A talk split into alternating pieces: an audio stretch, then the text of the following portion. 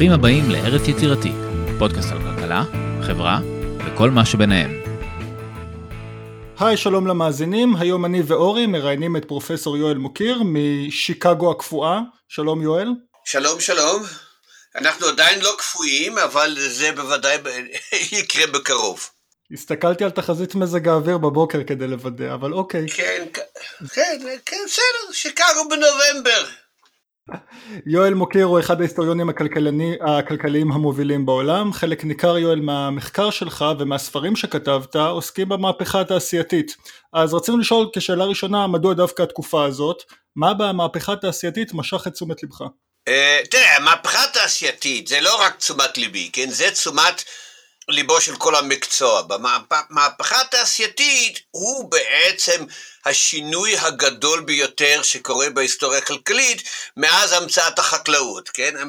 החקלאות הומצאה לפני אלפי שנים והיא כמובן שינתה באופן דרמטי את האופן שבו אנשים חיים, והמהפכה התעשייתית, השינוי שהיא חוללה בכלכלות של, של העולם הייתה מבחינה זו באותו סדר גודל. אנחנו, אה, אפשר לומר שהאנושות עד אה, אמצע המאה ה-18 חיה פחות או יותר תמיד על מפתן העוני, האנשים חיו ממש על גבול מינימום המחיה.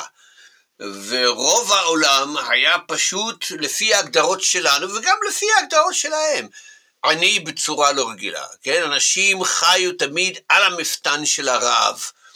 ומה שהמהפכה התעשייתית עשתה, היא יצרה עולם שונה לחלוטין, שבה רמת החיים, גם של העניים אגב, לא רק של המעמד הבינוני והעשירים, היא אה, עלתה בצורה דרמטית, ואנחנו חיים היום ב, בעולם של לוקסוס, שאפילו המלכים והאפיפיורים והאצילים של העבר לא חלמו עליהם.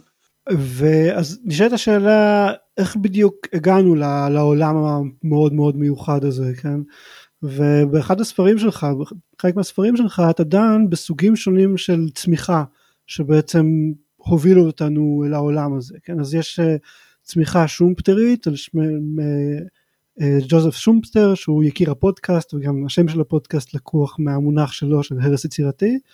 ויש סוגים אחרים של צמיחה כמו צמיחה אדם סמיתית צמיחה שמבוססת על אה, מסחר ועל דברים כאלה. ואחת הטענות שלך אם הבנתי נכון זה שהמהפכה התעשייתית מייצגת צמיחה מסוג אחר מסוג חדש שלא היה בדיוק לפני כן. אז אם אתה יכול לפרט קצת על הנושא הזה ועל סוגי הצמיחה השונים. כן. אז תראה אנחנו בעצם אה, מבחינים בין ארבעה סוגים של צמיחה, אה, שאחד מהם הוא פשוט צמיחה שמבוססת על היווי הון, כן? אה, אם אתה מגדיר צמיחה בתור עליית התוצר לנפש, אם אתה מוסיף הון, אם ההון הוא פורה ויצירתי, אז אנשים יהיו יותר עשירים ותהיה צמיחה.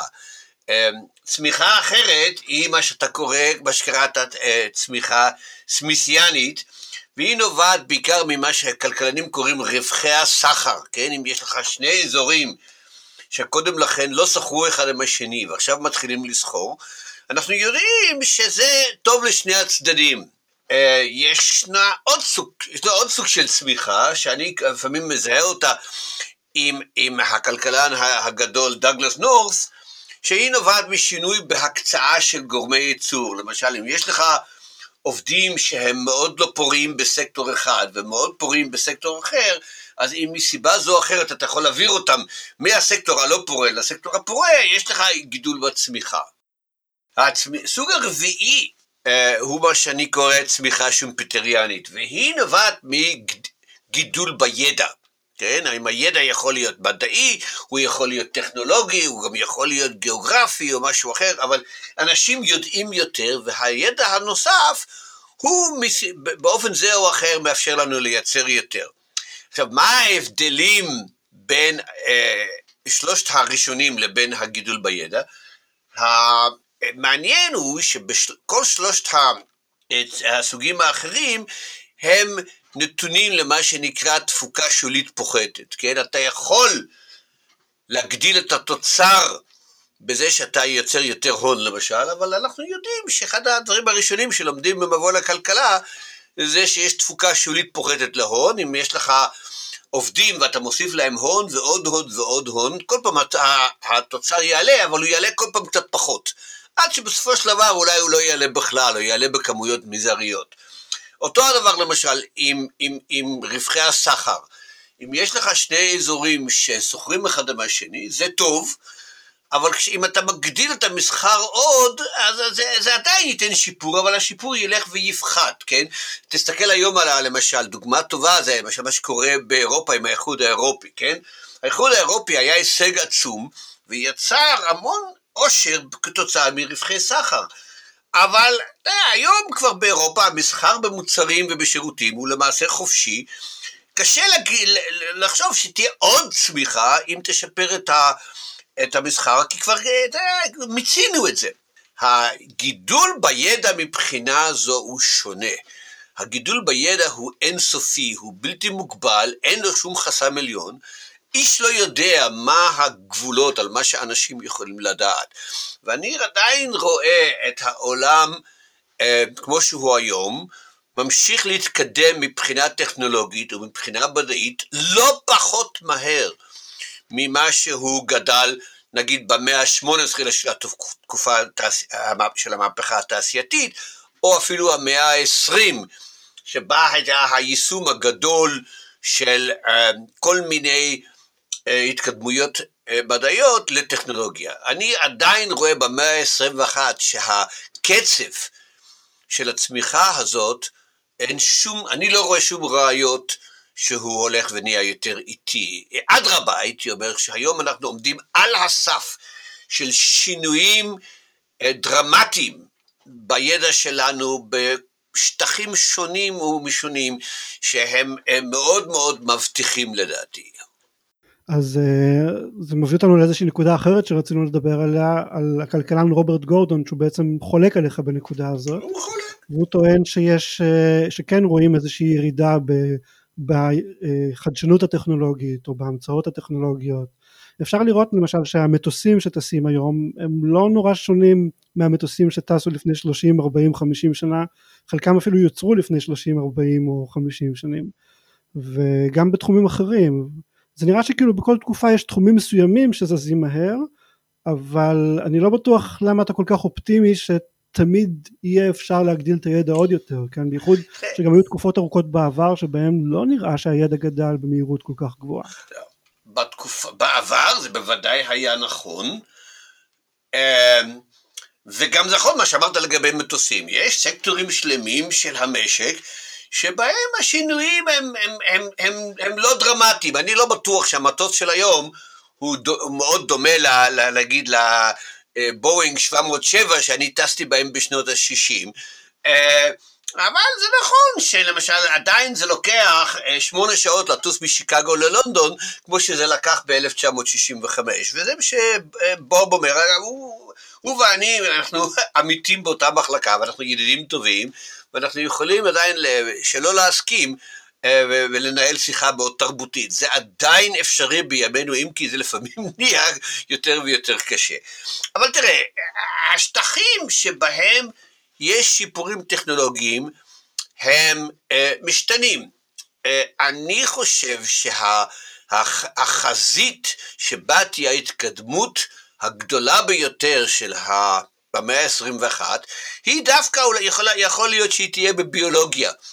ולאו דווקא בדברים שהם נגיד פיזיים, כן? אני חושב שאנחנו עומדים בפיצוח של היכולת שלנו לעשות, לא רק להבין את, ה, את הקוד הגנטי, אבל גם לתמרן אותו, כן? להפוך שינויים, הוא לדעתי תהיה התקדמות ענקית, שלא רק תהיה, שתהיה חשובה ברפואה ולפתור בעיות אה, רפואיות שעדיין אנחנו יודעים לפתור, אבל היא מסוגלת אה, לדעתי לשנות את כל האופן שבו אנחנו מנהלים את החקלאות ואת, ואת הסביבה שלנו. אנחנו יכולים אה, ליצור גם בעלי חיים וגם צמחים שהצבע, שהטבע לא חשב עליהם אף פעם, ואנחנו כן יכולים לחשוב עליהם. אה, זה בעצם מה שאנשים תמיד עשו.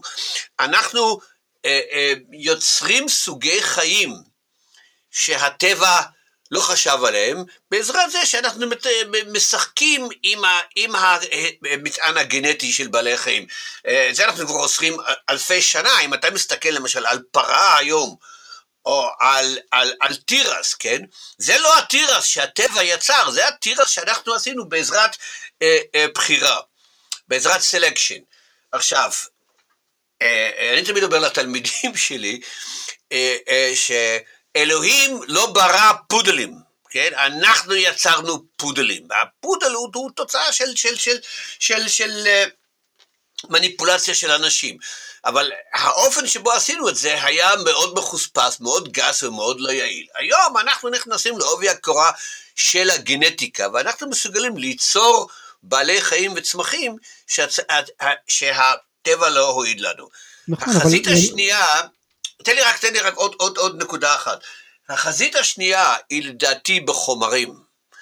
אה, אנחנו, המאה ה-20 ראתה מהפכה גדולה בחומרים, במובן זה שהיא אפשרה לנו לייצר חומרים סינתטיים, כן? פלסטיקים ולמיניהם.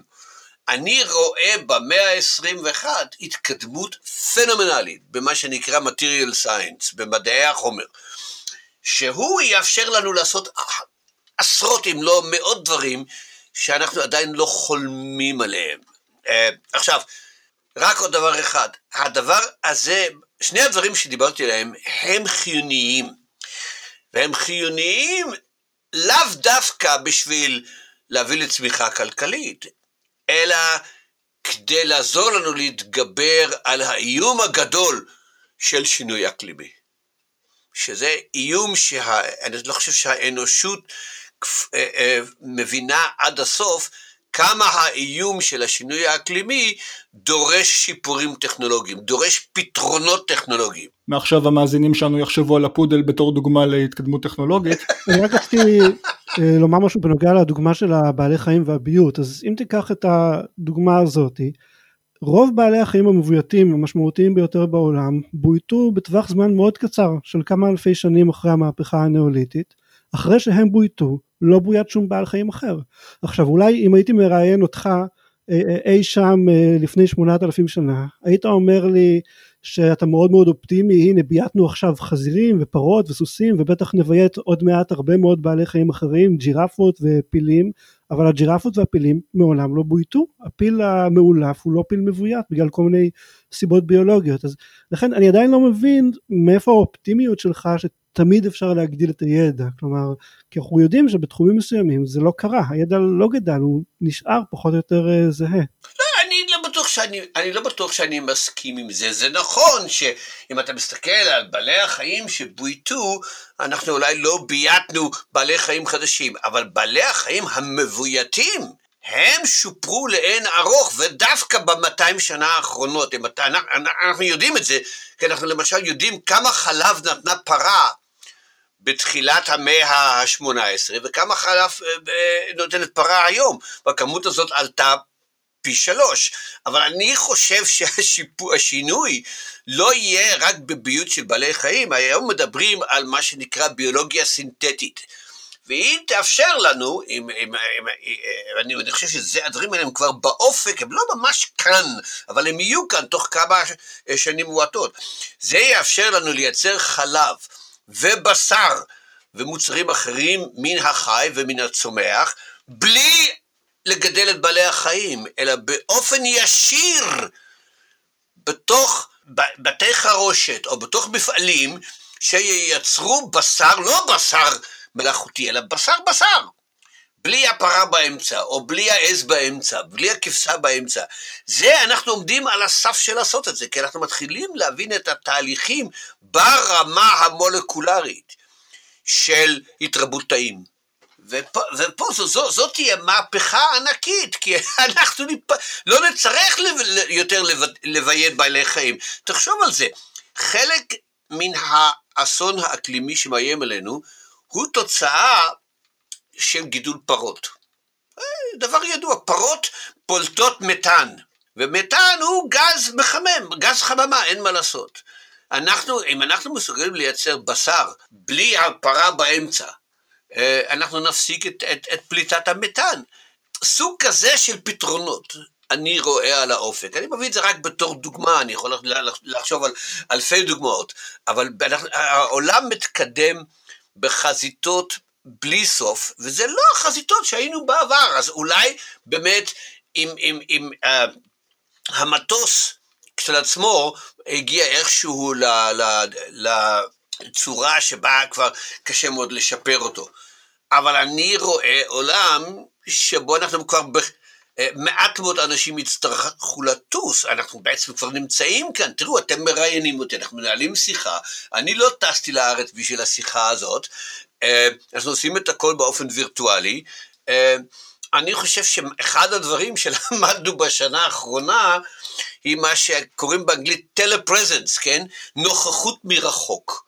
אה, וברגע שהטכנולוגיה הזאת תהיה מושלמת, והיא היא, היא מתקדמת יפה מאוד, כפי שאני יכול לומר לכם, אה, כי יש לי עוד שתי פגישות זום היום אחרי הצהריים, אה, אנשים פשוט ירגישו פחות ופחות יותר צורך לטוס.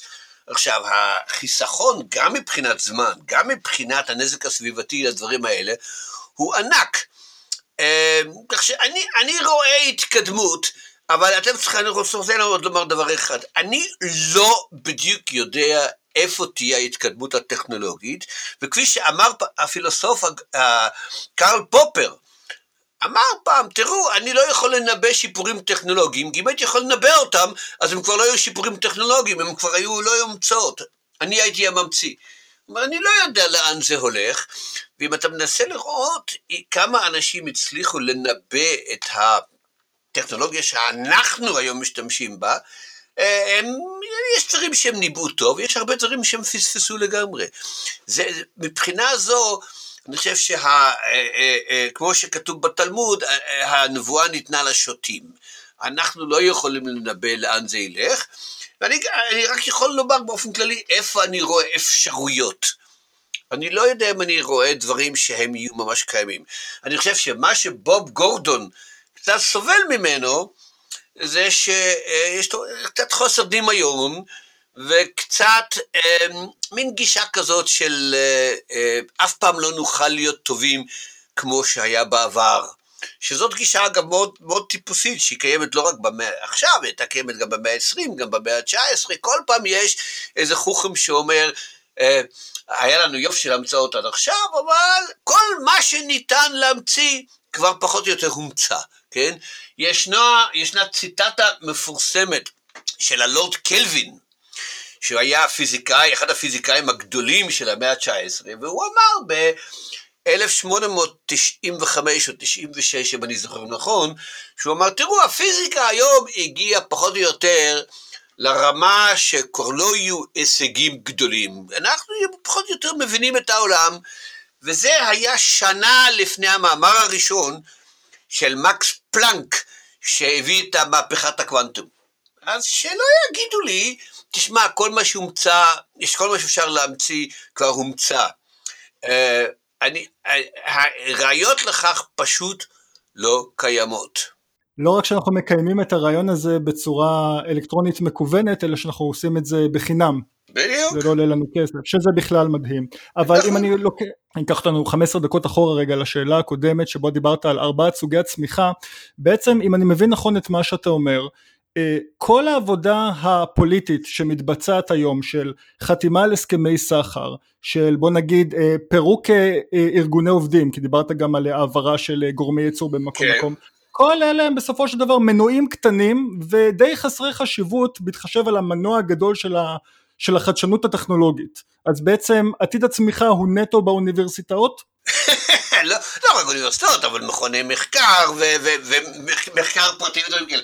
אני חושב, אני, אני חושב שכל המנועים עדיין אה, אה, קיימים, ויש אה, חישובים של, של, של חוקרים כלכליים אה, למשל אה, אה, קלינו ונסיה, שהראו שלמשל במקום כמו הודו, או במקום כמו סין, עדיין אפשר להגדיל את התפוקה בצורה מאוד מאוד דרמטית, בזה שאתה מעביר אנשים מהכפר אל העיר, או מהסקטור החקלאי לסקטור התעשייתי, ושינויים מסוג זה, שאני רואה אותו בתור הקצאה של, של גורמי ייצור. כך שאני לא בטוח שמיצינו את כל הפוטנציאל של צמיחה סמיזיאנית. אבל זה מן הסתם ייכנס לתפוקה שולית פוחתת.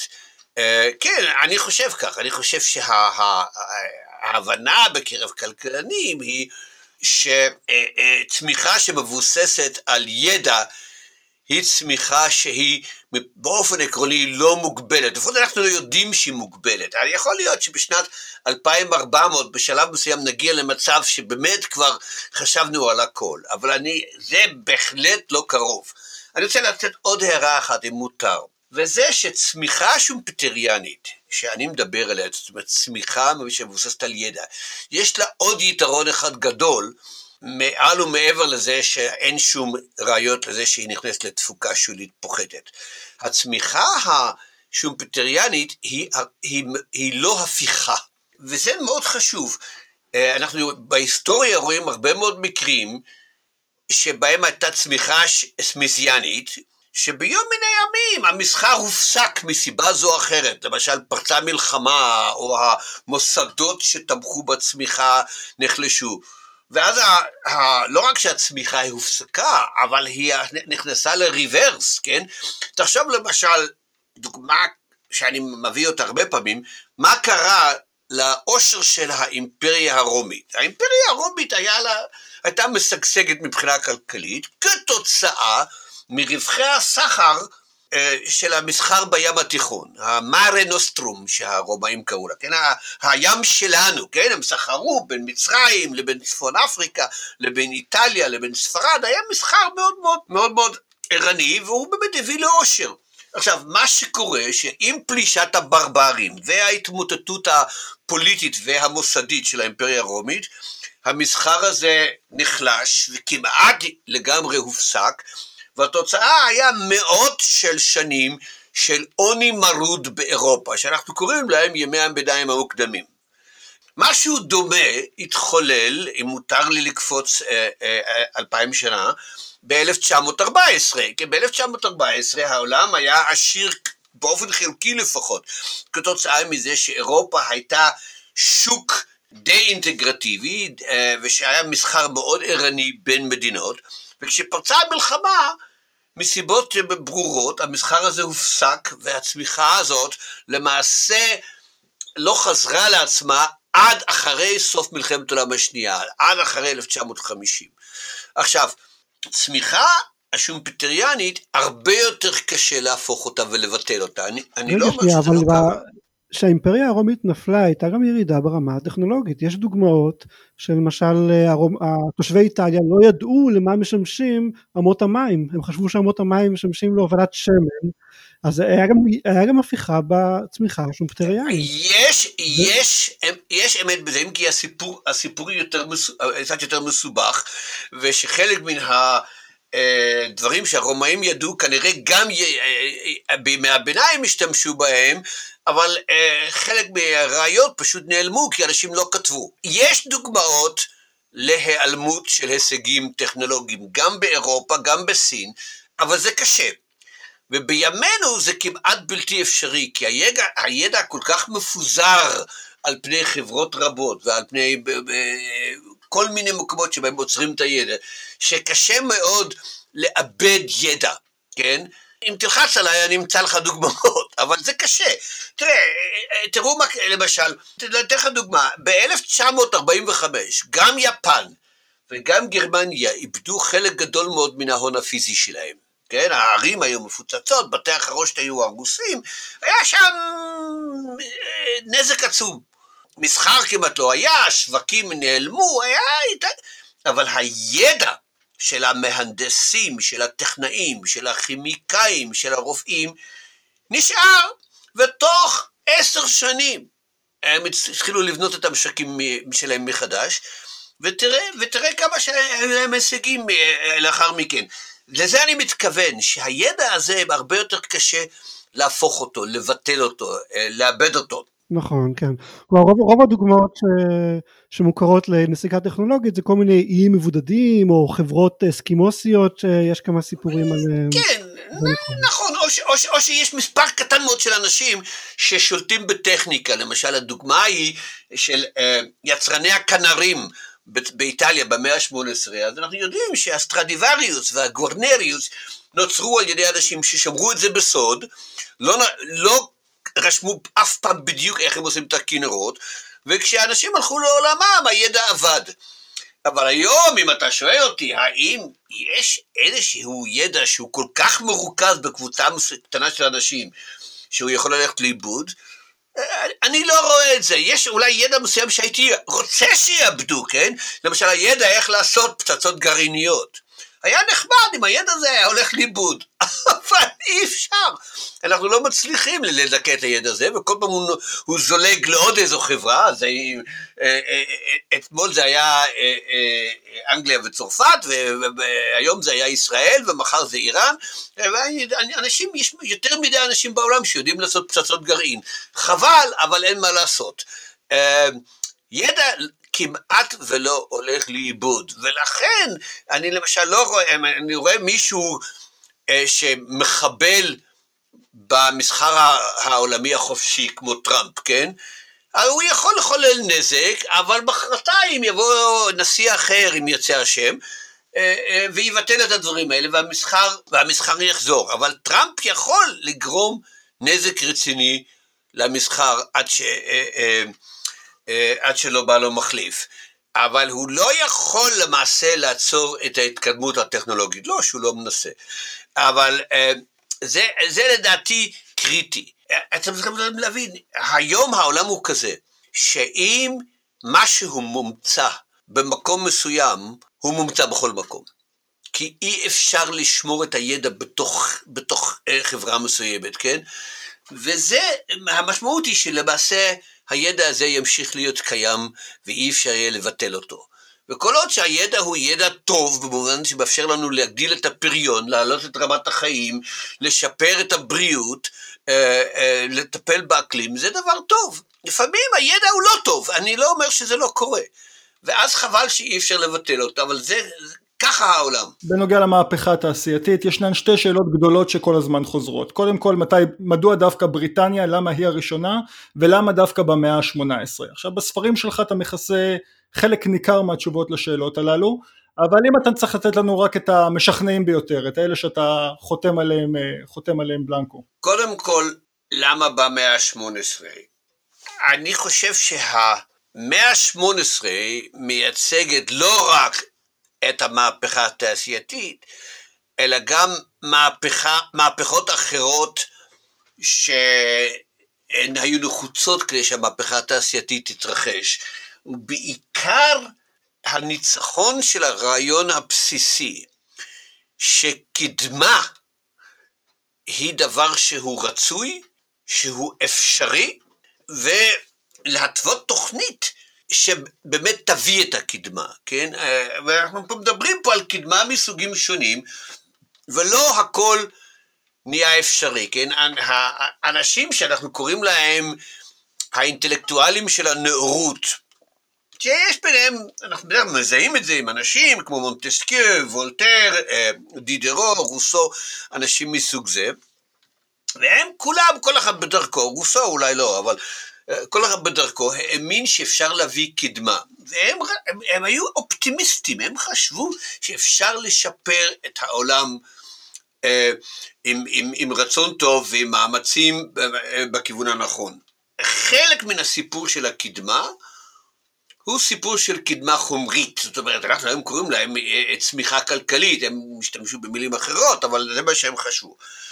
והם היו הראשונים שתפסו שהקדמה החומרית תוכל לבוא כתוצאה משיפורים בידע.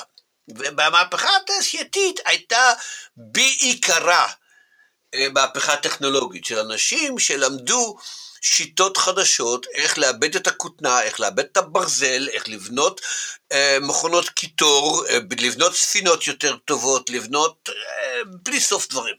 זה היה התפיסה. יש כאן מאמץ מרוכז, מאמץ מתואם של אנשים שכולם מאמינים אמונה מלאה שזה דבר שהוא אפשרי.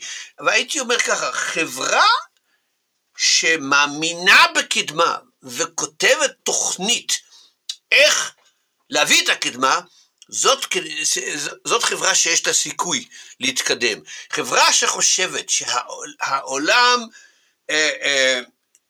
הוא יהיה תמיד כמו שהיה, שאין חדש תחת השמש, דור הולך ודור בא, ואין חדש תחת השמש, זאת חברה שהסיכויים שלה לצמוח הם לא גדולים. והמאה ה-18, בעצם המהפכה התעשייתית באה בעקבות מהפכה אינטלקטואלית, מהפכה תרבותית, שארכה 200-250 שנה, שבהם הרעיון של קדמה נטעה במנטליות האירופית. וזה קרה לא רק בבריטניה, זה קרה גם בצרפת, זה קרה גם בבלגיה, בשוויצריה, בצפון איטליה, בגרמניה, זה קרה בכל מקום. והאמת היא שהמהפכה התעשייתית, אני כבר טוען זאת שנים רבות, אם כי גם אם היא התחילה בבריטניה, זאת, מהפכה, זאת תופעה אירופאית. זאת תופעה שבמידה זו או אחרת אה, אה, אה, השפיעה על צרפת, השפיעה על ארצות השפלה, השפיעה על, על חלק גדול ממערב אירופה. ואם זה לא היה מתחיל בבריטניה, זה היה מתחיל במקום אחר, זה היה לוקח קצת יותר זמן, היה קצת אולי לובש צורה אחרת, אבל זה היה קורה. כי הנאורות הייתה תופעה כלל אירופאית. עכשיו, מאיפה, הנאורות עצמה, כמובן, צמחה ב... היא התחילה בסוף המאה ה-17 ונמשכה במחצית הראשונה של המאה ה-18, ואני חושב שהנאורות היא זאת שבעצם קבעה את העיתוי במובן זה שבלי הרעיון הזה של קדמה, אני חושב שחברות היו נשארות אה, סטטיות, כן? אה, אתם שואלים אותי, למשל, תשאלו אותי, למה במזרח התיכון לא הייתה מהפכה תעשייתית, או בסין, או בהודו, או באפריקה? לאף אחת מן האזורים האלה לא היה משהו שאנחנו יכולים לקרוא לו הנאורות. ה-enlightenment, כן? זה דבר שהוא ייחודי לאירופה. אבל זה פשוט מעביר את השאלה שלב אחד אחורה, אז אנחנו שואלים, למה דווקא במערב אירופה של המאה ה-17 או ה-16 הופיעו קבוצה מאוד גדולה של אנשים שהאמינו ברעיון הזה, למה הם לא הופיעו ביוון? כי אנחנו יודעים שהיוונים או הרומאים או הסינים בוודאי שמו לב שפיתוחים טכנולוגיים עוזרים להם, עוזרים להם לנצח כן. צבאות אחרים, עוזרים להם להתעשר. אז זה פשוט, אה, אתה לא חושב שזה פשוט מעביר את השאלה צעד אחד אחורה? אה, אני, תראה, כל שאלה, כל תשובה לכל שאלה אפשר להעביר צעד אחד אחורה. אה, אבל אני אומר לכם ככה, הרעיון של קדמה הוא רעיון שאני בטוח שצץ גם במוחם של סינים, של מוסלמים, של הודים, של אנשים בהודו סין ובכל מקום. הבעיה עם הרעיון של קדמה וכל רעיון חדש הוא שהוא תמיד נתקל בהתנגדות. ישנה תמיד ריאקציה. ישנם אנשים שאומרים אל תעשו גלים ותשאירו את העולם כמו שהוא והמילים כמו כופרים, כן, הם, הם מביעים את ההתנגדות הזאת, שאומרים, וואי, הוא כופר, כן? זאת אומרת, הוא בן אדם שרוצה, מה זה כופר? כופר זה מישהו שיש לו רעיון חדש, שהוא לא מתאים למקובלות.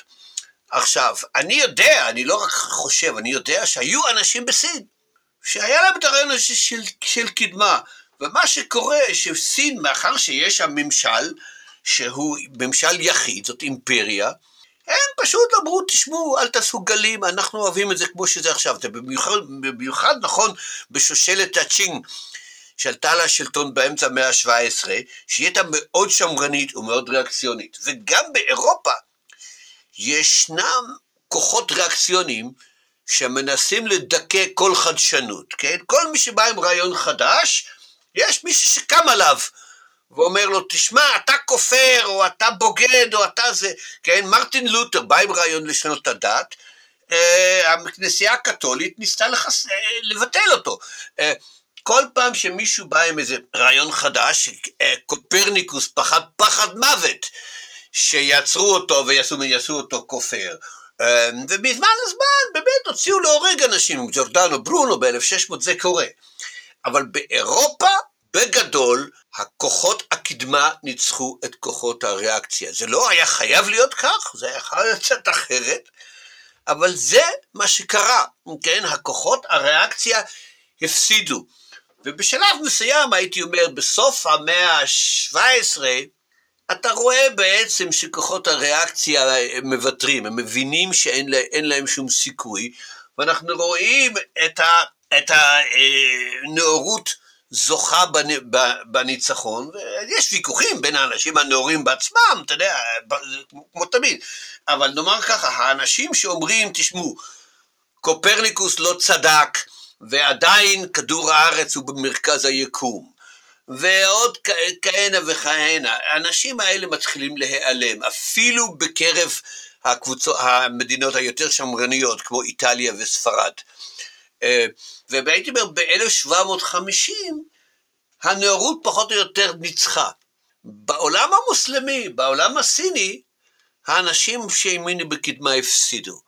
עכשיו, אחת הסיבות, לדעתי, לניצחון הזה, היא זה שבאירופה היא מבחינה מדינית מפוצלת ליחידות קטנות. לא, לא כולן קטנות, כן, ספרד ו- ואנגליה ו- וצרפת הן יחסית גדולות, אבל מה שקורה באירופה הוא זה שאם יש לך מישהו שיש לו רעיון חדש, והריאקציה מנסה לרדת עליו, יש לו תמיד את האופציה לקחת את המזוודות ולעבור למקום אחר. זה קרה הרבה מאוד פעמים. וגם אם הוא לא עובר למקום אחר, הרעיונות שלו עוברים למקום אחר. אני אתן לכם דוגמה אחת שמופיעה בספר שלי. גלילאו, כידוע, בא עם רעיונות חדשים, ואחרי קצת זמן, כתוצאה מכל מיני תככים פוליטיים, הכנסייה הקתולית, או האפיפיורות בעצם, החליטה לרדת עליו, ויש את המשפט המפורסם וכל זה.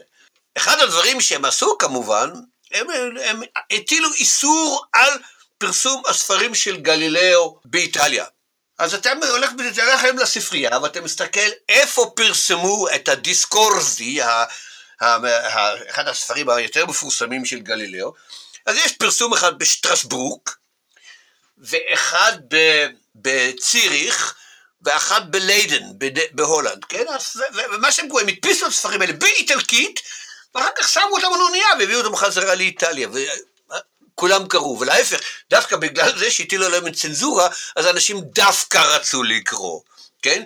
זה לא עובד אם את אין לך קואורדינציה מלאה של השלטון שמשאירה את, ה, את הריאקציה על כל היבשת.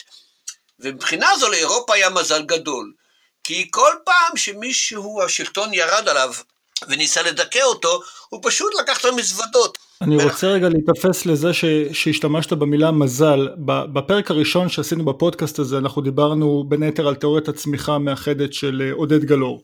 ואחת המס, המסקנות שלה, של התיאוריה, אם אני הבנתי אותה נכון, ואורי יתקן אותי אם לא, זה שבסופו של דבר המהפכה התעשייתית הייתה חייבת להתממש. אולי לא הייתה קורית מתי שהיא קרתה, אולי לא הייתה קורית איפה שהיא קרתה, אבל חייבת להיות מהפכה תעשייתית. לפי התיאוריה שאתה מספר פה, היה לאירופה מזל, בסין זה לא קרה, במקומות אחרים זה לא קרה, אז האם יכול להיות שלדעתך היינו יכולים להיות באיזשהו יקום מקביל שבו אין, אין, האנושות היא אותה אנושות, אבל עקב אה, צירוף מקרים חס, לא ממוזל, אנחנו לא נמצאים ממהפכה תעשייתית.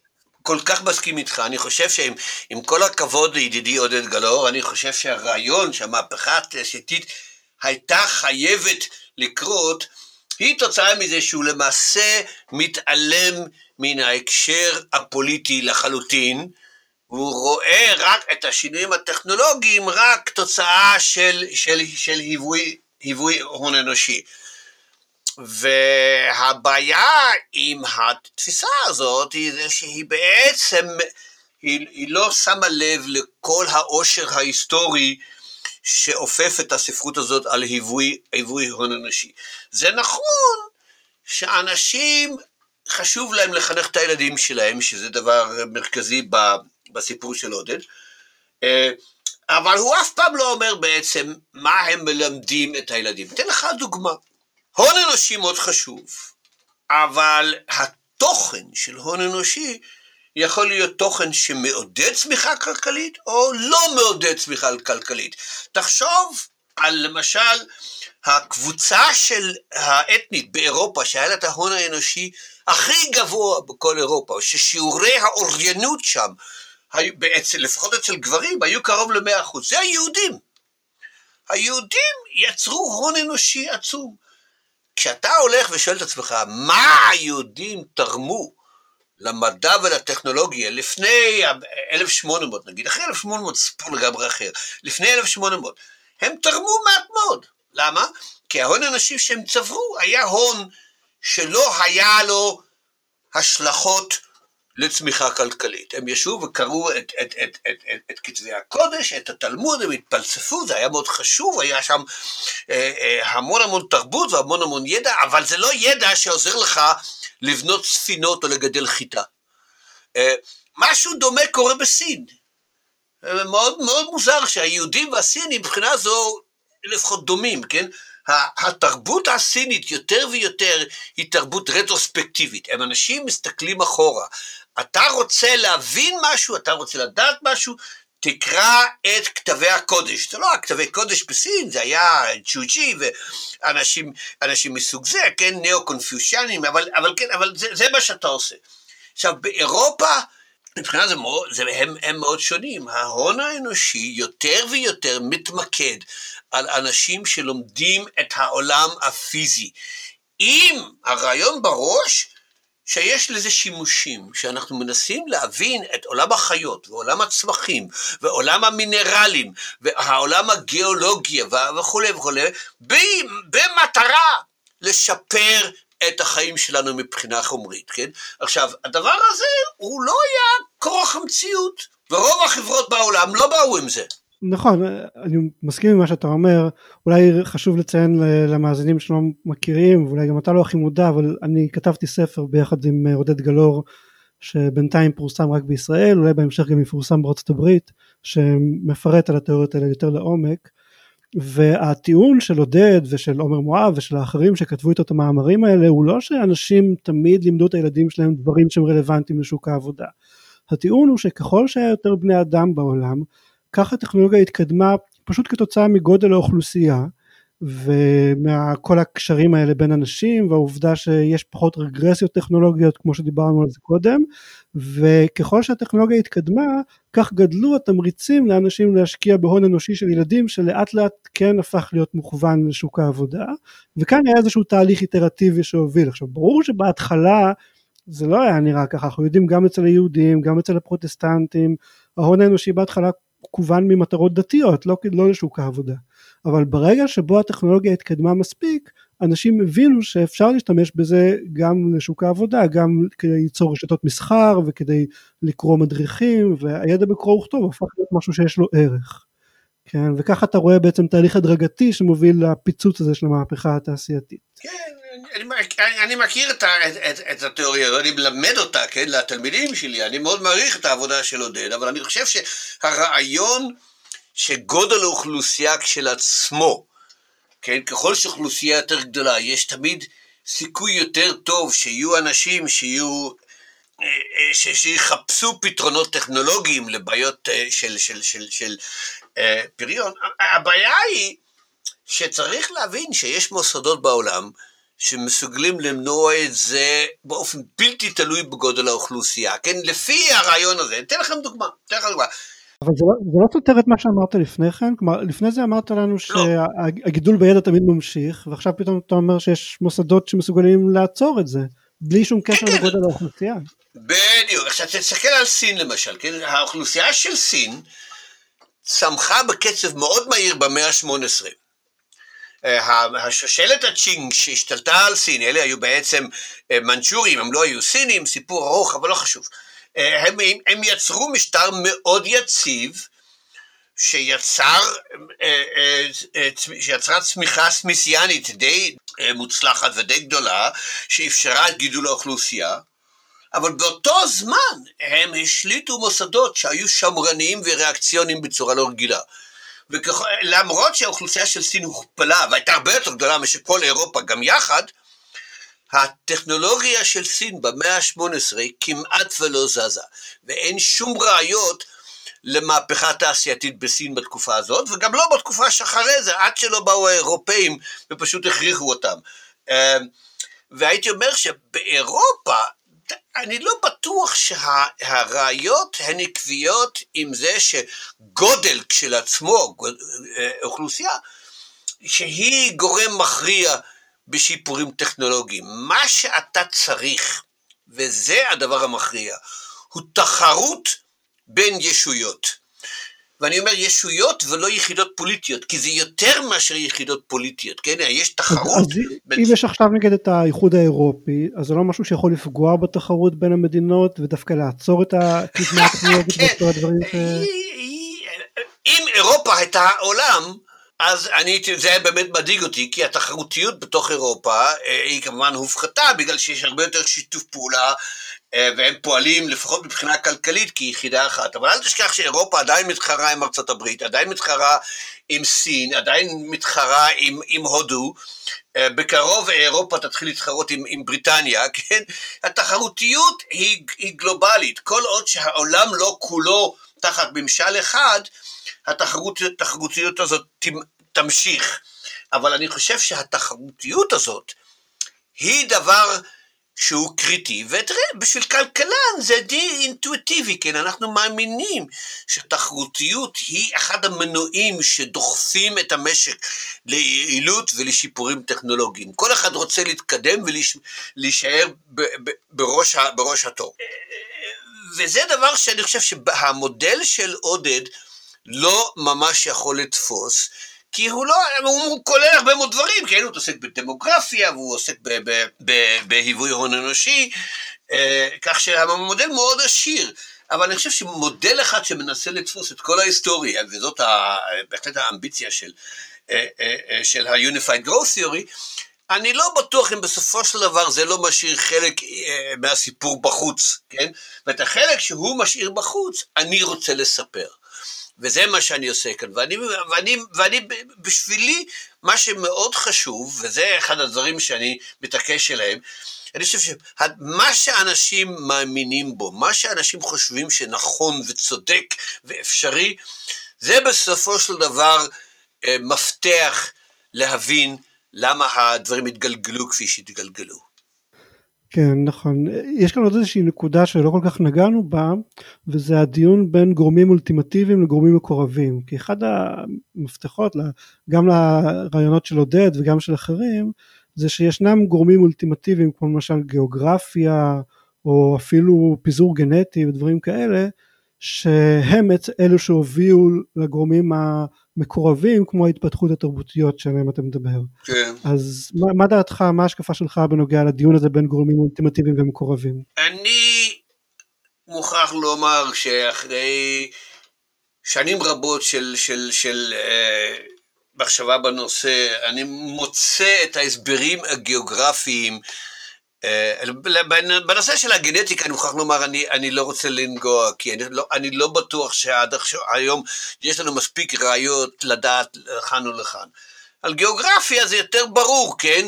אנחנו יודעים איפה הפחם נמצא, אנחנו יודעים איפה הברזל נמצא, אנחנו יודעים איפה הנהרות נמצאים. למשל, משהו שאולי יותר ישכנע אותך, אתה מדבר הרבה על התחרות האירופאית, אז יש תיאוריות שאומרות שהפירוד הגיאוגרפי של אירופה הוא זה שהוביל לכך שיש כמה מעצמות שם והיטלר ונפוליאון לא הצליחו להשתלט על, על כל המדינה. כן, זה, זה יכול להיות, רק שזה שוכח שהיו תקופות שבהם סין הייתה מבוזרת, כן? ש, שסין לא תמיד הייתה אימפריה אחת מאוחדת, היא רק אימפריה מאוחדת למעשה מ-1279, כשהמונגולים בפעם הראשונה, היואן דיין, השושלת יואן, היא זאת שאיחדה את סין, ואחרי זה עלו לשלטון השושלות שבאו אחר כך, המינג וה, והצ'ינג, וסין נשארה מאוחדת, אבל לפני זה היא הייתה מבוזרת, כן? כך שגם כאן הגיאוגרפיה אה, היא, היא, בהחלט, היא בהחלט דו משמעית. אה, כנ"ל באירופה, כן? אה, ישנו ספר חדש של וולטר שיידל, שאומר, תראו, אה, זה לא נכון שאירופה הייתה תמיד אה, אה, מבוזרת, אה, עובדה שבאימפריה הרומית הייתה תקופה ממושכת שהיא הייתה למעשה יחידה אחת. והוא אומר, תראו, המעניין הוא שסין ואירופה התקדמו באופן מקביל עד בערך שנת 400 לספירה, ואחר כך אירופה התפצלה, וסין, אחרי קצת היסוסים, נהייתה מאוחדת, וזה מסביר את ההבדל. אבל אני לא בטוח שבעיקרון לא היה יכול לקום שליט באירופה, שלמרות הפירנאים והאלפים והקרפטים והנהרות, שלא היה יכול לאחד את אירופה. תראה, נפוליאון כמעט הצליח, שרלמיין כמעט הצליח, ובימי הביניים היו, היו תקופות שבהן זה נראה שזה נע לכיוון הזה, כן? בייחוד כשהכנסייה הקתולית הייתה מאוד, מאוד חזקה. כך שאני לא בטוח שלא בסין ולא באירופה הגורמים הגיאוגרפיים הם אלה שגרמו, אה, שהם אלה שגרמו להבדל של, ה, אה, של המבנה הפוליטי. אני לא בטוח, יש, ישנה ספרות די מעניינת שמנסה להסביר את ההבדל הזה, ואם בסופו של דבר מישהו ישכנע אותי שהגורם האולטימטיבי הוא באמת שהאירופה יותר הררית מסין, שזה אגב לא, לא מאה אחוז ברור, אה, אולי זה, אולי זה כך. לעת עתה בשבילי מה שמעניין זה האינטראקציה בין מוסדות לבין תרבות, כן? מוסד, תרבות זה מה שאנשים חושבים ומאמינים בו, ומוסדות אלה הם האילוצים שהחברה מטילה עליהם והכללים שבהם משחקים את המשחק. עכשיו, אלה משפיעים, אל, זה לא ברור אם, אם, אם מוסדות גורמים לתרבות, או תרבות גורמת למוסדות, יש פה אינטראקציה מאוד מורכבת, אבל שם לדעתי צריך לחפש את המקור לצמיחה הכלכלית, ובשבילי השינוי התרבותי הגדול שהיה באירופה, אה, שהביא את המהפכה התעשייתית באופן ישיר, זה, המהפכה, זה הנאורות. אבל מה, שאתם, מה שאני רוצה להדגיש זה שישנם הבדלים תרבותיים באירופה שהם כבר קיימים אה, אה, לפני כן. אחד הדברים שאותי, אה, שאותי מאוד מעניינים, היא זה שבאירופה, מבערך סוף ימי הביניים, אנחנו רואים התמוטטות כללית של מה שאני קורא פולחן של דורות קודמים. וה, ו, וזה בשבילי אחד, ה, אחד המפתחות לכל הסיפור.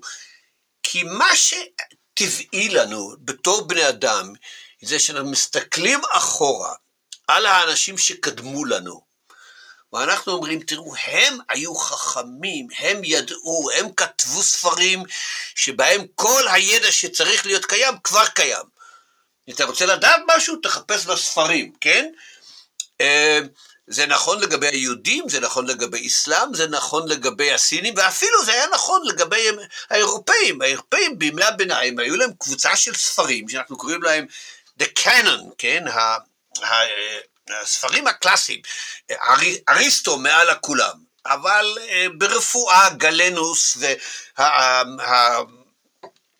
והרופאים המוסלמים שהשתמשו בידע של גלנוס ואחרים כדי לעשות קודיפיקציה של כל הידע הרפואי, כן, אה, אה, אבן סינה, רזס, אנשים מסוג זה. תלמי בגיאוגרפיה, פליניוס בביולוגיה, היו ספרים. ואנחנו רואים ש... בשלב מסוים האירופאים מתחילים להסתכל על הספרים האלה ואומרים, אתם יודעים משהו? זה לא נכון. זה יש פה טעויות, יש פה דברים שהם לא נכונים, כן, קופרניקוס הוא הדוגמה כמובן הגדולה ביותר, אבל אני יכול להביא לכם עשרות דוגמאות של אנשים מסוג זה שהסתכלו אחורה ואמרו, אתם יודעים משהו? אנחנו יותר חכמים מהדורות שקדמו לנו. וזה צעד שהיום נראה לנו טבעי, כן? כי אנחנו, אנחנו כולם מבינים שאנחנו יודעים יותר בשנת 2020 מאשר אנשים ידעו ב-1800. אבל זה דבר שמבחינה היסטורית הוא נדיר, וגם הוא לא כורח המציאות. הוא נובע מתוך זה שבערך בשנת 1500 האירופאים התחילו לגלות לאט לאט שלא העולם ולא היקום הם מה שהיוונים סיפרו לנו.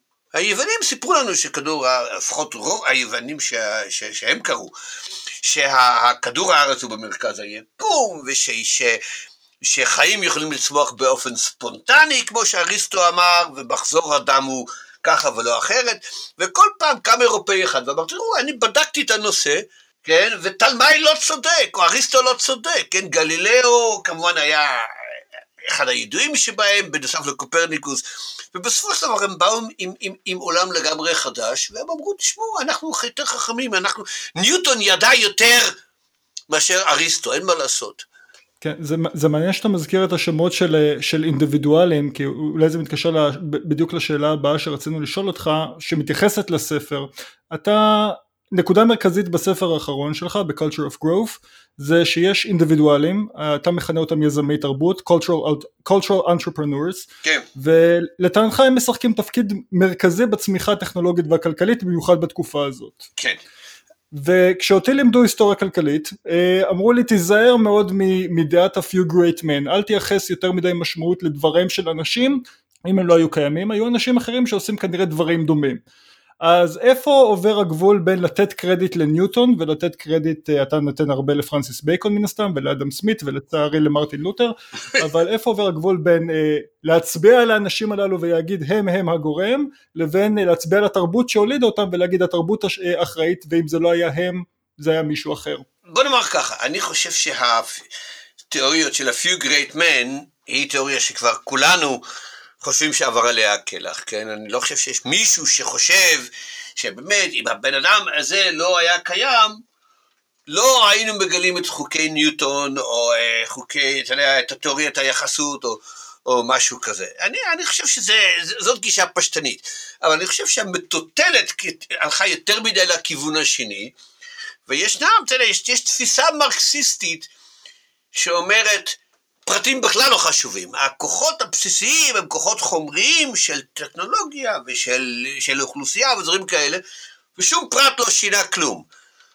עכשיו, שאתה, אני, אני תמיד, אחד הדברים שאני אוהב לומר לתלמידים שלי, זה שאתה מסתכל על, על, על, על רוסיה, שבה לימדו את התיאוריה הזאת, ואתה מסתכל למה רוסיה נהייתה כמו שהיא הייתה, כן, אז יש אנשים כמו לנין וסטלין, שאם הם לא היו קיימים, ההיסטוריה הייתה באמת הייתה נראית אחרת, שלא יספרו לי.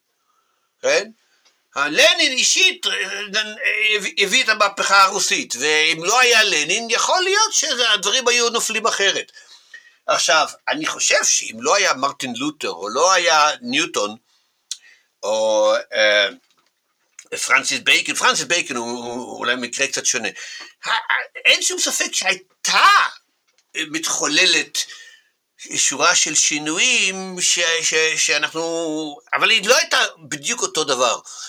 אה, ויש ויכוח לא רק לגבי יזמות חברתית, יש ויכוח לגבי כל יזמות, כן? אה, אה, למשל, הנרי פורד, כן? אם לא, אם, אם לא היה הנרי פורד, אז לא היינו יוצרים מכוניות בסדרות גדולות, היינו, אבל המכוניות היו נראות אחרת, זה היה קורה בתקופה אחרת, אולי במקום אחר, כן? אני לא חושב שהרעיון של יזם תרבותי אומר, אם לא היה יזם התרבותי הזה, העולם לא היה משתנה. אבל היזם התרבותי הוא בדרך כלל מכוון את הכיוון שאליו הולכת ההיסטוריה, כן? אני, למשל, קחו דוגמה של קרל מרקס, שהוא בהחלט יזם תרבותי מדרך. מה עשה קרל מרקס? הוא לא המציא את הסוציאליזם, היה כבר סוציאליזם הרבה לפניו, היו כל מיני סוציאליסטים אוטופיים וגם מה שהם קוראים מדעיים, אבל מרקס לקח את כל הדעות האלה וסינתז אותם במשהו שהיה מגובש, היה הגיוני, אה, והוא יצר תנועה שאנחנו כולנו יודעים שהייתה לה השפעה ענקית אה, על ההיסטוריה. עכשיו, האם אם לא היה מרקס, היה קם מישהו אחר, אני יודע, פרודון, או, או, או אה, מישהו מהחבר'ה האלה, בלנקי, היו, היו, לא היו חסרים סוציאליסטים. כן, אבל זה היה נראה אחרת. ובצורה הזאת אנחנו יכולים יותר טוב להבין את ההיסטוריה, כן? אני לא אומר שאם לא היה פרנסיס בייקן, כן, אז הנאורות לא הייתה קיימת, אבל בלי שום ספק שהכיוון שבו הלכה הנאורות, שאומר, שהיה כיוון פרגמטי, שבה ידע אמור לשמש אותנו, אה, ולהפוך את המשק שלנו למשק יותר פורה ויותר עשיר ולשפר את רמת החיים, הרעיון הזה, כל מי שרצה לדחוף אותו אמר, תראו, אני לא רק אומר את זה, גם אמר את זה פרנסיס בייקן, וזה מאוד חשוב. עכשיו, אם זה גורם, אני לא אומר שזה גורם קריטי, הספר שלי לא אומר בשום מקום שאם לא היה פרנסיס בייקן, המהפכה התעשייתית לא הייתה מתחוללת. זה, זה, זה, זאת, הצהרה כזאת היא טיפשית. אבל אם אתה רוצה להבין מאיפה באו השינויים, אתה חייב להתמקד גם על האנשים החשובים שהביאו אותה, ולומר, למשל, אם אתה רוצה להבין את התפתחות הדת המונותאיסטית בעולם, מה, אתה תגיד, לא, לא, לא, מוחמד לא היה חשוב, ישו לא היה חשוב, כי אם לא היה ישו, היה יוחנן המקביל, ואם לא היה מוחמד, היה מישהו אחר. אני חושב שזאת גם גישה טיפשית. אי שם באמצע אנחנו יכולים להביא סינתזה של הכוחות הלא פרסונליים, כן, הלא ספציפיים, אה, ושל האנשים ששיחקו את התפקיד. ואז אתה מקבל תמונה הרבה יותר עשירה והרבה יותר מפורטת של למה העולם נראה כמו שהוא נראה. כן? כך שאני אני חושב, ש, אני חושב שזאת גישה נכונה, ואני חושב שאני, אני, שהמוטוטלת אי שם נמצאת באמצע. כן? היא לא ב... ב פינה של המרקסיסטים שאומרת שאנשים בכלל לא משנים, ובוודאי לא בפינה הזאת שאומרת, אה, אם לא היה לותר לא הייתה רפורמציה. אני חושב שאי שם באמצע, לותר הצליח, כן? היו רפורמטורים לפני לותר, היה יאן הוס המפורסם, היו הוויקליף, היו אנשים שניסו את זה. הם נכשלו, הוא הצליח. קלווין הצליח. אותו הדבר עם קרל מרקס. אנשים ניסו לאחד את התנועה הסוציאליסטית, נכשלו. מרקס הצליח. Uh, אותו הדבר צ'ארלס דרווין, אדם סמית, אפשר להמשיך, את הסיפור, אתם מבינים למה, למה אני מתכוון. מבחינה זו, האנשים חשובים. אני מניח שזה גם קשור לשאלת האקראיות שדיברנו עליה לפני כן. אם האנשים זה ממש הדבר הכי קריטי, אז העולם הוא לגמרי אקראי ומספיק שייוולד איזשהו קרל מרקס והכל ישתנה. אם אנשים בכלל לא חשובים אז העולם הוא יותר הרבה יותר דטרמיניסטי כן כמו אולי אה, התיאוריה המאחדת של עודד כן אז כן ואני חושב שהעולם הוא העולם הוא קצת מזה וקצת מזה. כן משהו משהו באמצע. כן כן כן כן זה כמו, כמו משוואת רגרסיה כן יש לך מקדם שמסביר לאן זה הולך ויש לך איזה איזה טעות כן והטעות יכולה להיות גדולה. ומשאירה מקום לאקראיות אה, לא מועטה. זה לא אומר שהעולם לגמרי אקראי, ולא אומר שהעולם לגמרי דטרמיניסטי. למרבה הצער, העולם יותר מסובך מ... או, לגמרי אקראי או לגמרי דטרמיניסטי. היה נוח לנו מבחינת ארגון המחשבות שלנו, אם ככה היו הדברים, אבל הם כן, לא. כן, אז אה, אחוזי הדיוק שלנו היו יותר דומים לאחוזי דיוק של פיזיקאים והמודלים שלהם ככל הנראה. כן, כנראה. יש משהו שעלה לי ככה כמחשבה כחלק מהדברים שדיברת עליהם, אתה מדבר הרבה, גם כאן דיברת וגם בספרים שלך, על החשיבות הזאת של האלמנטים התרבותיים, כגון למשל אה, להאמין שחוכמת הקדמונים זה לא דבר קדוש ושאפשר לחדש ודברים כאלה. אבל אה, עוד איזשהו מאפיין של התנגדות לקדמה טכנולוגית זה המחשבה על הטבע במובן של הרמוניה, שיש איזושהי הרמוניה טבעית ואסור לנו להפר אותה ואנחנו חייבים uh, לשמור על הטבע. עכשיו, בתחילת הרעיון אתה דיברת על ההתחממות הגלובלית. השאלה היא, האם אתה רואה את, ה, את המאבק, או לפחות חלק, או הצדדים היותר פופוליסטיים של המאבק הסביבתי, כאיזושהי השתקפות של אותם ערכים עתיקים שדווקא נגדו קדמה טכנולוגית, כלומר איזושהי השקפה כזאת ש... אסור לנו לעשות שום דבר כי אנחנו נשמיד את העולם איכשהו או משהו כזה. אני לא, אני לא שותף לתפיסה הזאת שאמרו לי שאסור לנו לשנות את הטבע, כבר עשינו את זה, זה אבוד. ברגע שהתחלנו לאבד אדמות, החקלאות הייתה המהפכה האקולוגית הגדולה ביותר, כן? אנחנו משנים את הנוף, אנחנו משנים את פני כדור הארץ, זה מה שהתרבות האנושית עושה. בלי זה אין תרבות אנושית. אין ערים, אין ספרות, אין שירה, אין מוזיקה, אין, אין שום דבר. זה, כל עוד שאנחנו היינו, אה, חיינו מהטבע במובן זה שכתפנו ואספנו וליקטנו וצדנו חיות, אה, תרבות אנושית היא בלתי אפשרית. כן?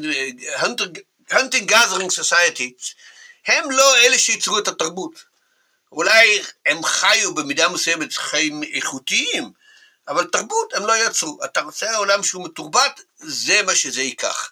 עכשיו, אני לא מאמין גדול בהרמוניה, אני מאמין בתיקון טעויות. אני חושב שהטכנולוגיה, כשהיא מתקדמת, מטבע הדברים, מטבע הדברים, היא לא מסוגלת תמיד להעריך מה הן התוצאות הבלתי צפויות של מה שהיא עושה. וזה נכון בגדול וזה נכון בקטן, כן? אה, בגדול כמובן הדוגמה הקלאסית היא השימוש ב, בדלק פוסילי, כמו פחם ו, ו, ו, אה, ונפט, שאנחנו יודעים היום שזה היה אחד המרכיבים החשובים של המהפכה התעשייתית ושל הצמיחה הכלכלית, אבל התוצאה שלא צופתה מראש, היא זה שזה מביא להתחממות כדור הארץ. אז אנחנו היום צריכים, במקום להגיד אוי ויי, מה עשינו? זה היה נורא, צריכים לחיות בהרמוניה עם הטבע. אנחנו צריכים לפתח טכנולוגיות שתבטלנה, שת, שתתקנה את הנזק שעשתה הטכנולוגיה הקודמת, כן? אז יש פה טכנולוגיות כאלה ואחרות, אולי להחליף את האנרגיה באנרגיית רוח, אולי יש, אפשר, יש, יש אה, טכנולוגיות היום שבהן אנחנו אוספים את הפחמן מן האטמוספירה ומקטינים את, את, את, את כמות הדו תחמוצת הפחמן, יש, דברים כאלה ואחרים, אבל התיקונים, ההתקדמויות הטכנולוגיות, הן ניתנות לתיקון על ידי טכנולוגיה נוספת, ולא לבטל את הטכנולוגיה. אתן לכם דוגמה אחת שאני מאוד אוהב. בשנת 1924, מנועי ד... אה, בנזין שיצרה ג'נרל מוטורס, הייתה להם בעיה של המנוע היה, מה שנקרא, היה סובל מנוק, כן, מדפיקות, שהחליש את, את, את, את, כוח ה, את כוח המנוע וגרם להתבלות מאוד מהירה של, ה, של החלקים. בא מהנדס אמריקאי בשם מיג'לי וגילה שאם אתה מוסיף עופרת לדלק, אתה פותר את הבעיה. והתחילו להוסיף עופרת לבעיה. אלא מה? אנחנו היום כולנו יודעים שהעופרת הזאת גרמה נזק עצום לסביבה, לאנשים וכולי וכולי וכולי. זה לא היה ידוע באופן רחב אז. היו אנשים שידעו והסתירו את זה, זה סיפור אחר. אבל בכל אופן הם התחילו להכניס עופרת, העופרת יצרה אה, אה, תופעות חיצוניות מאוד שליליות, וזה במשך הזמן אנשים אמרו, תשמעו, אי אפשר, צריכים לפתור את הבעיה. אז מה אנחנו עושים? אנחנו מפסיקים את אה, ייצור המכוניות, אנחנו אוסרים את, את התחבורה במכוניות? לא, חיפשו, חיפשו, חיפשו, ומצאו תחליפים לעופרת. פתרו את, הטכנולוגיה יצרה בעיה, ובשביל לפתור אותה היה צריך עוד יותר טכנולוגיה. כנ"ל, אני חושב, זה נכון לגבי התחממות כדור הארץ, לב, לעלייה בחומציות של מי האוקיינוסים, בהיעלמות של הדגים, בהמלכה של מי תהום. ישנן בעיות סביבתיות, ברוך השם לא חסרות, כן? אה, אה, ישנה, ישנו הנושא של, של אה, זבל פלסטי של, ש, ש, ש, שצף באוקיינוסים. כל אלה בעיקרון יש להם פתרונות טכנולוגיים. כל מה שאנחנו צריכים לעשות זה להתרכז עליהם, להתמקד עליהם, להביא את, ה, את הידע המדעי הטוב ביותר, ולהגיד איך פותרים את הבעיה. עכשיו, השינוי האקלימי מבחינה זה יותר מדאיג, כי הבעיה היא גלובלית והיא כל כך קשה, שיכול להיות שזה דבר ש... אה, שייקח הרבה זמן, ושעד אז יהיה, יכול להיות שיהיה נזק בלתי הפיך, וזה באמת מדאיג אותי. ולכן אני רוצה ש, שכבר היום, או לא היום, אתמול, יתחילו לעבוד על זה full time, והנסיגה של ארה"ב מהסכמי פריז, והחוסר תיאום בין מדינות הוא, הוא, הוא, הוא סקנדל. אבל הפתרון בעיקרון יהיה טכנולוגי גם כאן. ובסופו של דבר אנחנו אף פעם לא נהיה מוכנים לוותר על רמת החיים ותוחלת החיים שהטכנולוגיה המודרנית נתנה לנו, על אף העובדה שישנן לפעמים השלכות שליליות ודברים שלא ציפינו להם. אני חושב שהרבה מה, מהטיעונים שאנחנו שומעים אה, בדיון האקלימי מצביעים על הקדמה הטכנולוגית גם בתור אה, סוג של חיסרון ואנחנו רואים לא מעט, אה, אתה כתבת גם לא מעט על אה, התנגדות לקדמה טכנולוגית, אתה רושם על כיצד היא שרדה עד לימינו אנו כאשר כולנו אמורים לחזות ב...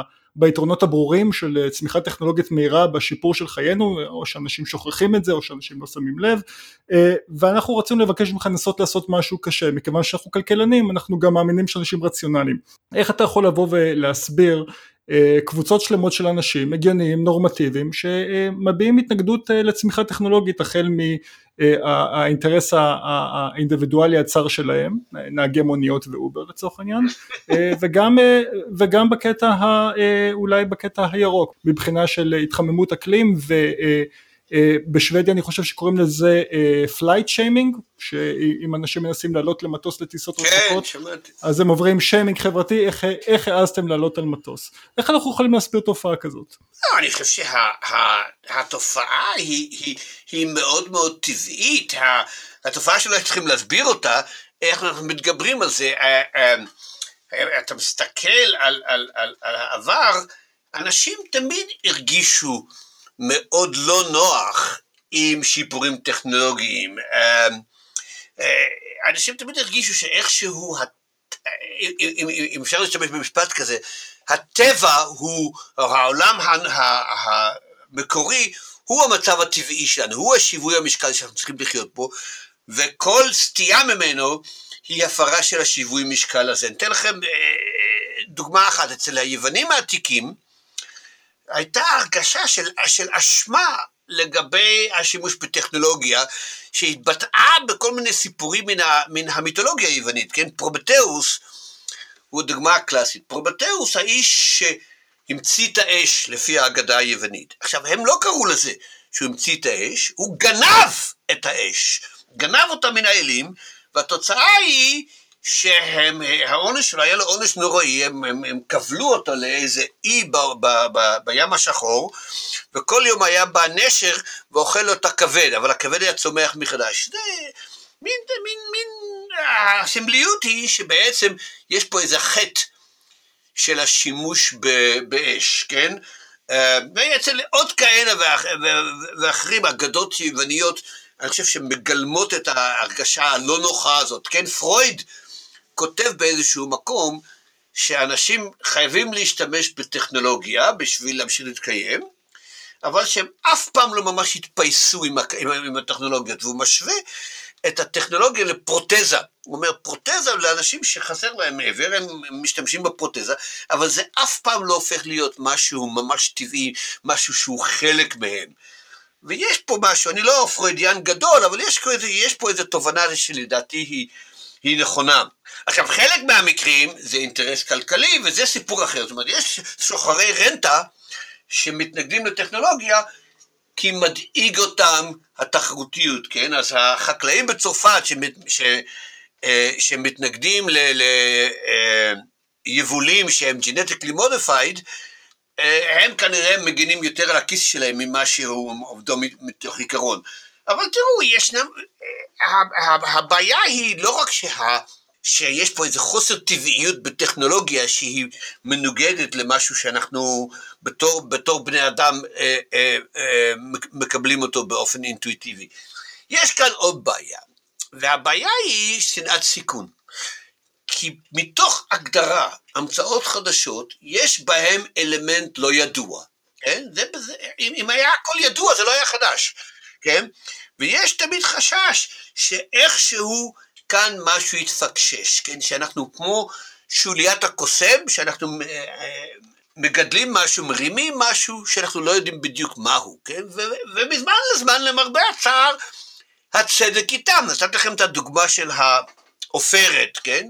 אה, דוגמה נוספת היא, כן, אסבסטוס, כן? אנשים משתמשים באסבסט, חשבו שזה יופי של חומר בנייה, עד שיום אחד גילו, אוי, לא ידענו, תראו מה זה עושה. כן? עכשיו, ישנם, יש, יש, ישנן טכנולוגיות שעד היום אנחנו חושבים, יש הסתברות מסוימת שהם יביאו ל... ל אסון, כן? זאת, זה למשל ההתנגדות לאנרגיה גרעינית, כן? כולנו יודעים שאנרגיה גרעינית, אם הכל הולך בסדר, זה יופי של דבר, זה נקי, זה שקט, זה לא מזהם, זה אמין, זה לא תלוי בעונות, זה יופי של דבר. אבל בגלל שזה גרעינים, ויש פה דברים שיכולים לקרות, ואנחנו מסתכלים על פוקושימה, ואנחנו מסתכלים על צ'רנוביל, ואנחנו אומרים, אתם רואים? קרה! עכשיו, אם העלות החברתית שקרה בצ'רנוביל או בפוקושימה באמת שקולה כנגד התועלת החברתית שאנרגיה גרעינית יכולה להביא, אה, זה, זה, זה ויכוח שצריכים לנהל אותו, אבל השאלה היא איזה משקל אתה שם על הסיכון. ויש לנו בתור, גם בתור אנשים רציונליים, בעיה קשה לשים מחיר על משהו שהוא בהסתברות נמוכה, אבל שאם הוא קורה, הוא אסון גדול. כן? זאת אומרת, אתה כופל משהו שהוא מאוד מאוד קטן במשהו שהוא מאוד מאוד גדול. כן? וכבר הראו לנו טברסקי וקנמן שבמקרים כאלה מאוד קשה לעשות חשבון רווח והפסד. אבל בדברים שאתה, בדברים שאתה מתאר כאן, זה נראה כאילו שהרווחים וההפסדים הם לכלל האוכלוסייה. ואחד הדברים שאני זוכר שאתה לימדת אותי זה שלקדמה טכנולוגית תמיד יש מרוויחים ומפסידים, ולפעמים המרוויחים והמפסידים זה אנשים אחרים. וזה גם מעביר אותנו לשאלה באמת קשה, כי גם מהדברים הטובים שתיארת, ואפילו דברים כמו למשל הנדסה גנטית של צמחים, אנחנו יודעים שיהיו מפסידים לדברים האלה. והשאלה היא כאילו איך, איך אתה רואה את המפסידים במובן הזה כמו הלודיטים בבריטניה? האם אתה חושב שכדאי אולי לחשוב על מדיניות שתפצה אותם איכשהו וככה תוכל לאזן את הסיכונים ולהביא לקדמה טכנולוגית מהירה יותר. אמת ויציב ממש כך. יש אחד הדברים שאני תמיד חוזר עליהם זה שכמעט כל שיפור טכנולוגי יש לו מרוויחים ויש לו מפסידים. עכשיו מן הסתם הרווח של המרוויחים עולה על ההפסד של המפסידים, כי אחרת זה לא היה שיפור טכנולוגי, זה היה הרעה טכנולוגית. אבל זה לא, לא מונע מן המפסידים לנסות להתנגד ולנסות להגזים בעלויות של, ה, של השיפור הטכנולוגי הזה. וכאן הסיפור מניע פוליטי, כן? האם באמת אנשים, אה, אלה שהם מפסידים, יש להם מספיק מינוף פוליטי בשביל לעצור את התהליך. וברוך השם קורה. זה הדברים האלה קורים, הם עוצרים, הם עוצרים לא פעם ולא פעמיים, יש דוגמאות בלי סוף, שבהם עצרו שיפורים טכנולוגיים כי, כי המפסידים הצליחו לשכנע את שאר העולם שיש כאן סיכונים איומים. עכשיו, השאלה של פיצוי, שה, ה, ה, אה, אה, שהאלה שמרוויחים צריכים לפצות את אלה שמפסידים, היא עולה כל פעם. אבל זה לא פשוט. והסיבה שזה לא פשוט, היא זה שהרבה מאוד פעמים השיפורים הטכנולוגיים גורמים לשחיקה של הון אנושי. זאת אומרת, אני מביא איזו מכונה שעשתה את העבודה שאתה עשית. אתה למדת את המלאכה, למדת, השקעת שנים באימון ובלימוד, ועכשיו אתה טוב במקצוע שלך, ועכשיו באה מכונה שעושה את זה יותר טוב, כן? אז כל מה שלמדת עד עכשיו לא שווה, והרנטה של, שאתה קיבלת, ולא רק רנטה כספית, אלא גם רנטה של, של, של סיפוק, של, של הרגשה שאתה עושה משהו שהוא, שהוא שימושי וחשוב, כל זה הולך. ואתה תתנגד, ואני במקומך גם הייתי מתנגד, אני מבין את זה. וזה בעצם, לכן אנחנו גם קוראים לזה יצירתיות הרסנית. אנחנו הורסים, ואנחנו פוגעים באנשים, ויש קורבנות ויש מפסידים, וזה טבעו של התהליך. ומי שאומר אחרת לא למד היסטוריה. עכשיו, הגישה שלי היא שזהו המחיר הבלתי נמנע לקדמה. אבל זה לא אומר שהמחיר הוא אפס, זה לא מחיר שאנחנו יכולים לחיות איתו, ואנחנו צריכים כל הזמן להיות ערים לאיך לנסות לרכך את, להעמיד רשתות ביטחון, ולנסות. כמה ש... למזער את העלות החברתית של הדברים האלה. אבל אין שום ספק שאנחנו מפספסים פה פעם אחרי פעם אחרי פעם. האם אתה חושב שיכול להתקיים שינוי טכנולוגי שיהיו מעטים שירוויחו ממנו ממש הרבה ורוב האוכלוסייה תפסיד ואותם מעטים איכשהו יצליחו לכפות אותו, כלומר אנחנו, אנחנו נורא רגילים לסיפור ההפוך, שהשינוי כן. מיטיב עם רוב האנשים, אבל אה, אני, יכולים להיות... אני חושב שזה לא שיווי משקל.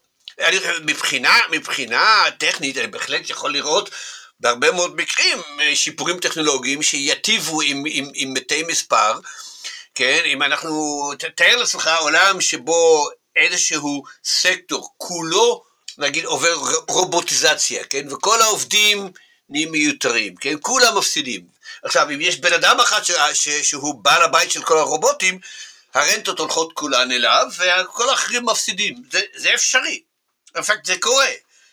אבל זה לא שיווי משקל פוליטי, לא בדמוקרטיה. כן, תהיה התנגדות, היא הולכת וגדלה, ואנשים ידעו שהולכת להיות... תראה, דוגמה, דוגמה טובה היא מה שקרה בארצות הברית אחרי מלחמת העולם האזרחים. שם בדיוק היה מצב שאתה מתאר. היו הרובר ברונס, כן? התעשיינים ובעלי חברות הרכבת שהתעשרו, ושאר האוכלוסייה לא כל כך, לא כל כך נהנו מן, מן הקדמה. כן, היו אנדרו קרנגי ורוקפלר ואנשים מסוג זה, הם, הם היו עשירים. עכשיו, מה שקרה, שקמה תנועה, תנועה פרוגרסיבית, שאמרה, זה, זה לא מקובל עלינו. ובאמת במדינה דמוקרטית, והדמוקרטיה בארצות הברית בסוף המאה ה-19 לא הייתה דמוקרטיה מופתית, לא שעכשיו יותר טוב, אבל, אה, אה, אבל בסופו של דבר קמה תמונה פרוגרסיבית ושינתה את פני הדברים. עכשיו באותו דבר קרה באירופה, כן? אה, היו שינויים טכנולוגיים שאיימו לפגוע בחלקים גדולים של האוכלוסייה. והאירופאים מצאו בעצם את הפתרון, והפתרון הזה נקרא מדינת הרווחה. מדינת הרווחה היא למעשה תוצרת פוליטית, אה, אה, אה, תופעה פוליטית, שמטרתה לרכך את ההפסדים של אלה שיוצאים מופסדים מקדמה כלכלית. כך אני רואה את מדינת הרווחה. כל שאר הדברים הם, הם חשובים, אבל הם בשוליים. זה הסיפור העיקרי. ומה שמדינת הרווחה יצרה באירופה, בייחוד מאז 1945, זה מין הרמוניה פוליטית שבה רוב האנשים, היום קצת פחות, אבל רוב האנשים אומרים, אתם יודעים משהו? אנחנו רוצים שזה ימשיך כך, כי אנחנו, אולי יש בינינו מפרדים, יש בינינו מפסידים, אבל בגדול לכול, לכולנו יותר טוב. ומבחינה זו אני חושב שהבעיה בארצות הברית והטראמפיזם הוא זה שמדינת הרווחה פה היא תמיד הייתה לוקה בחסר. האמריקאים תמיד, היה, הם, לא הייתה להם ברירה, הם הקימו מדינת רווחה בשנות ה-30 ואחרי זה עוד פעם בשנות ה-60, אבל זה תמיד היה מאוד מאוד הססני ומאוד מאוד חלקי, וכל פעם שהם נתנו משהו הם לקחו חלק בחזרה.